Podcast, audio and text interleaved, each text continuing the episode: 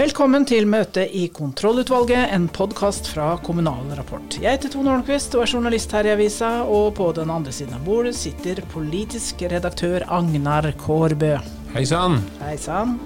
I dag skal vi snakke om kommuneøkonomi, Agnar. Vi begynner med, i makro med KS sin sjefsøkonom Torbjørn Eika, og vi skal se hvordan kommuneøkonomien kan utvikle seg i det nye året. Og så har vi vært i Larvik på in inntektssystem kommunekonferanse eller lavinntektskommunekonferanse eller eh, konferanse for kommuner med skatteinntekter under landsgjennomsnittet sett i henhold til inntektssystemet. Hva vet jeg? Det var spennende. Ja, og på den konferansen så var også Håvard Moe, som er økonomikonsulent i KS Konsulenter, og han hadde en spådom om hvordan denne soga om inntektssystemet vil ende. Og til eventuelt skal vi snakke om regnbuetrekant på skolesekka. Vi kjører i gang. Vi kjører i gang. Da har vi fått sjeføkonom i KS, Torbjørn Eika, i studio. Og da blir det gjerne prat om eh, makroøkonomi, men selvfølgelig også om kommuneøkonomien. Og hvordan eh, står det til nå ved eh, inngangen, eller ved starten av 2024, Eika? Ja, på nytt så er det jo slik at når vi ser i bakspeilet, så ser det eh, bra ut eh, for kommuneøkonomien i makro. Og så er jo det store forskjeller mellom kommuner, da, som alle veit. Uh, Framover så ser det jo som vanlig ikke så lyst ut. Uh, og, og uh, det er jo fordi at det som stadig vekk redder situasjonen, er jo at skatteinngangen viser seg å bli veldig mye høyere enn det Finansdepartementet har anslått på forhånd. Og man kan jo ikke på forhånd regne med at det vil skje. Um, og, og, gjennom de siste årene så, så har man altså både hatt en, en uh, hatt merskattevekst hvert eneste år. Uh, og, det, og, det, har da og det, er, det, må sies at det mesteparten av denne merskatteveksten er midlertidige inntekter. Mens man i motsatt retning har at kostnadsveksten har vært undervurdert i også en rekke år. Og den eh, kostnadsveksten den er mer permanent? og den er permanent, ja. for da kommer kostnaden opp på et høyere nivå som man ikke blir kvitt. Men hva, vi, hva vil dine beste eh, kvalifiserte gjetninger være for eh, skatteveksten i 2024? Nei, jeg har ikke noe uh, grunnlag for å si noe spesielt annet enn det anslaget som, som Finansdepartementet har kommet med. Eh, deres anslag på lønnsveksten eh, i år er, avviker ikke nevneverdig fra Norges Bank og SSBs siste prognoser. Men, altså, skatteinngangen ble jo høyere i 2023 òg. Eh, men har, du vil ikke si at det har noe å si for liksom, inngangen til året i 2024? Det gjør det litt lettere å starte i 2024 når du har penger på bok. Ja, altså, Det er jo det som gjør at kommuneøkonomien Eller en konsekvens av det at kommuneøkonomien i bakspeilet har vært godt, er jo at uh, disposisjonsfondene har blitt veldig store i mange kommuner. Uh, ved forrige årsskifte, ikke det siste, men før det her, så var vel eh, de samlede disposisjonsfondene på 100 uh, milliarder. Og, og det er vel røftlig det dobbelte av det som kanskje en enkel tommelfingerregel skulle tilsi at det burde være på. Men det vi hørte i går på Larvik-konferansen om inntektssystemet, der sto de selvfølgelig på rekke og rad, de kommunene som mente at de hadde grunn til å klage over både inntektssystemet og økonomien. Men selv de kommunene som sa at det ikke det er ikke krise hos oss, men vi har begynt å spise her etter disposisjonsfondet, og i løpet av denne perioden så har vi spist opp og da det jo, hjelper det ikke at du har 100 milliarder i dag hvis de er borte om fire, fem, seks år, med tanke på at du har fått et ganske høyt permanent kostnadsnivå. Så hvor bekymra skal de nyvalgte lokalpolitikerne som i enkelte kommuner så har de allerede starta budsjettarbeidet for neste år. Hvor bekymra skal de være for de økonomiske utsiktene, hvis du ser litt stort på det? Ja, Det er jo all grunn til å være bekymret. Og det er, det er på en måte to, minst to grunner til det. Det ene er akkurat det du sier, at uh, disse disposisjonsfondene um, de kan ikke man kan ikke satse på å bruke dem til driften framover. Da går det etter hvert veldig dårlig. Så det er det ene. Og det andre er jo, sett fra en makrosynsvinkel, så, så er det store skjær i sjøen på hvor mye penger man, kommunesektoren kan regne med å hanke inn utover det å få dekket demografikostnader, altså økte kostnader knyttet til befolkningens størrelse og sammensetning, og pensjonskostnader. Bare nevne Ukraina, eh, flyktninger, eh, både herfra og derfra. Eh, grønt skifte. Og, aldrende befolkning, selvfølgelig, som alltid dukker opp. Så er det én ting som da trekker i motsatt retning, da, som kan gjøre at vi kan slappe bitte litt av, tilsynelatende. Og det er jo det at dette oljefondet er blitt mye større enn også større enn det som lå i nasjonalbudsjettet. Men det, det er jo slik at oljefondet når man skal vurdere eh, oljepengebruken, så er det, måler man det i kroner. Og vi vet jo, vi, vi, ønsker jo, alle makroøkonomer ønsker at krona skal styrke seg en del. Og en eh, uheldig bieffekt av det er at uh, oljefondet i kroner reduseres. Uh, og i tillegg så har man dette med at, uh, at verdens børser går av og til med ujevne mellomrom på en skikkelig smell, og da kan de være lave i årevis. Det er vel slik at uh, Tokyo-børsen kom vel nylig opp på det nivået de hadde i ja, nå husker jeg ikke om det var 1970 eller 1990, i hvert fall, så er det en haug år uten uh, en krones stigning, og, det er nominelt. Um, så, man, man um, um, Sentralmyndighetene må på en måte husholdere med, med uh, nøye med, med oljepengene og andre penger framover. Vi har nok eh, lært oss til å, eller blitt vant til at det oljefondet vokser, at kan, der kan vi ta litt avkastning og det går fint. Ingen har tenkt på hva det betyr hvis vi får store globale svingninger. selvfølgelig på det. Men det er ikke alt dette som kommunepolitikerne trenger å bekymre seg for, men det de selvfølgelig er opptatt av, det er jo renta, som de fleste i Norge. Størrelsen på den det spiser jo av kommunens driftsbudsjett. Og så er det ledigheten som også kan påvirke ulike lokalsamfunn på ulike måter. Hva tror du om renta fremover? Nei, eh, det har jo vist seg eh, Nylig er det mange som har pekt på at eh, sjefsøkonomers eh, renteprognoser ikke er verdt så jævlig mye. Og, og, jeg har ikke Min, min krystallkule er ikke veldig klar på dette området. Og så må det også sies at det har jo sammenheng med hva som ellers skjer. Og utfordringene er jo også kan jo også eh, påvirkes med samme fortegn, eller motsatt fortegn, av det som påvirker renta. Men, men når jeg, når jeg, tidligere har blitt, nylig har blitt stilt samme spørsmål, så sier jeg at jeg tror på to kvartinger ned i løpet av året. Men, men, det er klart usikkerheten rundt det er stor. Og F.eks. så vil det jo være sånn at høyere lønnsvekst, eller veldig høy lønnsvekst, vil både gi høyere skatteinntekter, men det vil også redusere sannsynligheten for eh, rentenedgang. Det er beskjed til partene i lønnsoppgjør, men det kan vi komme tilbake til litt senere. Men hva med ledigheten, vil den eh, øke? For det er jo et sånt eh, Selv om det ikke sies høyt politisk, så er det jo hvis ledigheten går litt opp, så vil jo presset på renta avtale noe. Ja, altså Ledigheten er jo fremdeles, til tross for at den har økt i over et år nå, så er den jo på et veldig lavt uh, nivå historisk sett. altså Klart lavere enn mm, etter finanskrisen og før pandemien.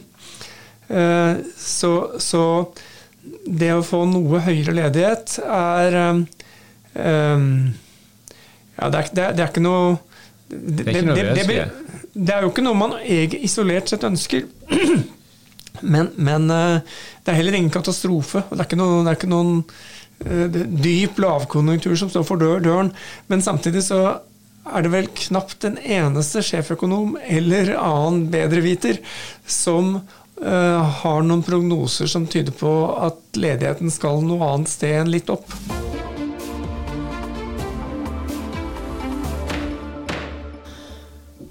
Denne uka har vi vært i Larvik, eh, Agnar, på lavinntektskommunekonferanse. Ja, Det er dine ord. Ja, jeg ville ikke ord. valgt ord. Jeg ville vært- valgt det mer nøytralt. Liksom kommune med skatteinntekter under, eh, nå under landsgjennomsnittet. Det er de, altså, dette La- Larvik-opprøret er Ja. vel det vi kan si. Vi kan kalle det det. Masse kommuner. er nå over- 120 kommuner som Ja, og så er det 35 som har stått bak et initiativ som rett og slett går rett inn i diskusjonen om nytt inntektssystem for å få bedre skatteutjevning. Det jo, inntektssystemet består av mange ting. Skatteutjevning er en ting, og kostnadsutgiftsutjevning er noe annet. Men de mener at eh, de har for lave skatteinntekter, de får for lite gjennom systemet til å levere gode og likeverdige tjenester. Hvorfor skal det være dårligere tjenester i Drammen enn i Bærum? Er det bare fordi at i Bærum bor det rike folk, så da fortjener de bedre tjenester? Der står debatten. Så er inntektssystemet en svær, komplisert eh, maskin. Skrur du på ett sted, så begynner det å blinke et annet sted. Så han, eh, kommunalminister Erling Sande har selvfølgelig sitt svare strev med å finne ut hvor han skal justere. Og han forteller det etter hvert som han reiser rundt, så har alle veldig gode argumenter for at akkurat deres kommune er veldig spesiell og trenger litt spesialbehandling i dette systemet. Ja. Og det er jo da også et nullsumspill. Det betyr at hvis du tar penger fra Oslo, Bergen, Stavanger, eh, Asker og Bærum, som er rike kommuner, og gir til de fattige, såkalt fattige, eller de med lav inntekt eller under gjennomsnittet, eller hva de, hvis du skal velge å kalle dem, så blir det mindre på de andre. Så eh, Oslo er jo da litt irritert over den diskusjonen som går nå. og de som har lite, de syns det er rart når Askers ordfører går ut og sier at vi risikerer å nærme oss Robek hvis man skal følge ideen om 100% skatteutjevning. Så her står det diskusjon. Regjeringa har jo lovt at de skal komme et eh, forslag til en revidert system i løpet av våren. Det kan jo drøye, for dette er vanskelig. De skal bli enige internt, og de skal, må lage noe som tåler møtet med den kommunale virkeligheten. Og nå er det stor irritasjon der ute blant disse kommunene. Og dette må regjeringa legge merke til. Jeg ser jo det som et uttrykk for en mye større frustrasjon i kommunene over at du ikke har et eh, du har ikke en velfungerende styring av kommunesektoren. Du har for mange statlige reguleringer, for mange nasjonale oppgaver, for mange nasjonale politikere som dynger kommunene ned med, med, med sine ambisjoner, og så er de økonomiske rammene de blir alltid litt, trange, litt trangere for hvert år. Og, der, og det, det, den der eh, forventningspresset der, det er der kommunene befinner seg, det er der lokalpolitikerne sitter, og de kjenner at de får litt mindre handlekraft. Så er det ikke krise i hver eneste kommune, det må sies. Men hvis man ser litt fremover, så føler de at nå er det press. Og da må den lokal, eh, nasjonale politikere må anerkjenne at kommunene har noen utfordringer. Både Og nå skal det, da, altså, nå, det har jo vært høringsrunde og alt mulig, og så skal regjeringa legge fram et forslag. Og så innen sommeren skal Stortinget banke dette her. Ja, og det er jo en diskusjon. Og så er spørsmålet om hvordan, hva slags løsning som kommer. Du har snakka med Håvard Moe, Ja, som er konsulent i uh, KS. eh, Konsulent. kons- Han jobber jo med økonomi eh, Og han reiser rundt i, Ja, i Kommune-Norge. Han har vært i nesten alle kommuner og hjulpet dem med å bedre drift og, og økonomi og, og styring og sånn. Han har eh, kunnskap om dette her, og han har noen kvalifiserte gjetninger. Ja, Det kommer jo til å komme mye på kostnadsnøklene og utgiftsutjevninga. Altså på inntektsutjevninga så tipper jeg at de gjentar grepet fra 2008. Dvs. Si at man øker altså øh, inntektsutjevningen med 5% I 2008 så var jo den på 55% og så ble den økt med 5% til 60% vi har i dag, og fasa inn med 1% i året. Og jeg tipper at nå fra 2025 så øker man den til 65% og faser den inn med 1% i året. da. Hva, hva betyr det? Eh, hvor, hvor tas pengene fra da, og hvem får dem? Nei, nå er nå en gang skattesystemet, skatteevnen i Norge sånn at det er de store byene som eh, er de skattesterke. Så det betyr i bunn og grunn at det er de, egentlig de fire store skattekommunene som er eh, Oslo, Bærum, Asker og Stavanger. Og så noen andre små naturressurskraftkommuner og sånn, men de bidrar ikke med så mange kroner i kronebeløp. De har høye skatteinntekter, men i kroner er ikke så mye. Og så skal jo det fordeles på alle de andre. da. Så det betyr at det er noen som kommer til å tape enormt mye penger, og så kommer de andre til alle de andre til å få litt mer, men det kommer de jo ikke til å merke, fordi at det er så vidt små summer år for år. Men dem som eh, skal betale regninga, kommer til å merke det. Ja, de kommer jo til å oppleve dette som et ran. altså En 5% skatteutjevning betyr f.eks. at Oslo kommune taper 700 millioner, og det er jo en betydelig sum. da. Og Da kommer jo bare Oslo kommune til å si at vi må ha mer penger, og det er jo alle enig i. Så da kommer jo storbytilskuddet til å måtte økes i så fall. Og da må man jo trekke det da på, på utgiftsutjevninga, og så blir dette et nullsumspill. da. Dette, hvorfor tror du det blir sånn? Nei, det er bare fordi det er det enkleste grepet. Vi har en regjering som nå sitter selvfølgelig og skal ivareta mange distriktskommuner, kraftkommuner, havbrukskommuner osv. De vil jo ikke gjøre dette. Og så er det jo verdt å merke seg da, grunnen til at jeg tror det er at egentlig, hvis man tenker tilbake igjen, så altså, det, i Inntektssystemutvalget la jo fram sin eh, innstilling i august 2023. Etter alle normale prosedyrer da, så skulle jo dette komme til kommuneproposisjonen i, Nei, i august 2022. Da skulle dette komme til kommuneproposisjonen i 2023, altså med virkning fra 2024. Og så husker alle at i april i 2023 så kom jo plutselig regjeringen og sa nei, vi legger ikke fram dette likevel. Nei, hvorfor ikke det? Nei, fordi at da satt jo Oslo kommune og styrte Nei, da satt jo Ap og styrte og Raymond Johansen og styrte Oslo kommune. Og de ville jo ikke ha dette inn i valgkampen, at man tar fra Oslo kommune 700 milliarder. Så dermed så ble plutselig bare hele greia utsatt til etter valget. Det, det er bare politisk synsing. Jeg har virkelig ingen innsikt på dette, sånn utover at det er bare politisk analyse.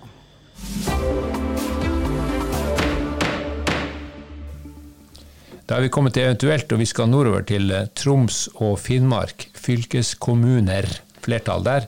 Altså fordi at eh, Finnmark har sagt at de vil eh, kvitte seg med den skolesekken som de gir til førsteklassinger, som har en regnbue på seg. Hvorfor det, Tone?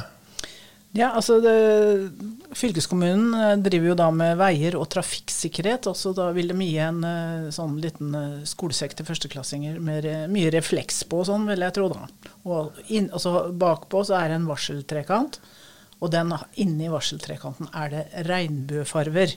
Og det stammer fra pandemitida, hvor små barn tegna regnbuer som et håp om at alt skulle bli bra. Ja, det gjorde jo det. Og Noen i Finnmark tolker det som et uh, pride-symbol. Pride-symbol og litt sånn uh, homsepropaganda, og det vil de ikke ha noe av. Så det er da vedtatt i fylkestinget at det skal vekk. Så det blir ikke noe regnbue året, til årets førsteklassinger i Finnmark. Men eh, de har jo da Det samme sekken har de jo i Troms. Og nå har da debatten spredd seg dit. Skal de ha eh, regnbue på, i trekanten til førsteklassingenes eh, skolesekker, eller ikke? Fylkesordføreren i Troms og Kristina Torbergsen sier at dette, de, de, de, vurderer dette. De vil gjerne ha noe som kan profilere fylkeskommunen overfor førsteklassinger. Der, er vi, der støtter vi dem. Det er viktig å fortelle førsteklassingene at fylkeskommunens veier er til for dem. At fylkeskommunen passer på dem når de skal ut i trafikken. Og så sier du at det ikke har vært noen voldsom debatt om uh, denne regnbue Om det kan oppfattes som et symbol for uh, den skeive bevegelsen. Eh, så saken står liksom på vent i eh, Troms. Men eh, de har en hel haug med kanskje saker. litt hårsår oppe i Finnmark. Jeg trodde ikke de var så følsomme der, men jeg har kanskje tatt feil. Det er Nordkalottfolket og KrF som har reist denne saken, så Ok, ja. De får nå bestemme selvfølgelig hva som skal være på den førsteklassesekken, men det må jo også være ordentlig med refleks der, for det er lang mørketid. Refleks er viktig. Ok, Med dette her så setter vi punktum for denne sendinga. I studio Tone Holmquist og Agnar Korbe. Husk på å gi oss god rating i der du hører podkast. Ansvarlig redaktør for Kommunal Rapport er blitt Sofie Hesvik. På gjenhør!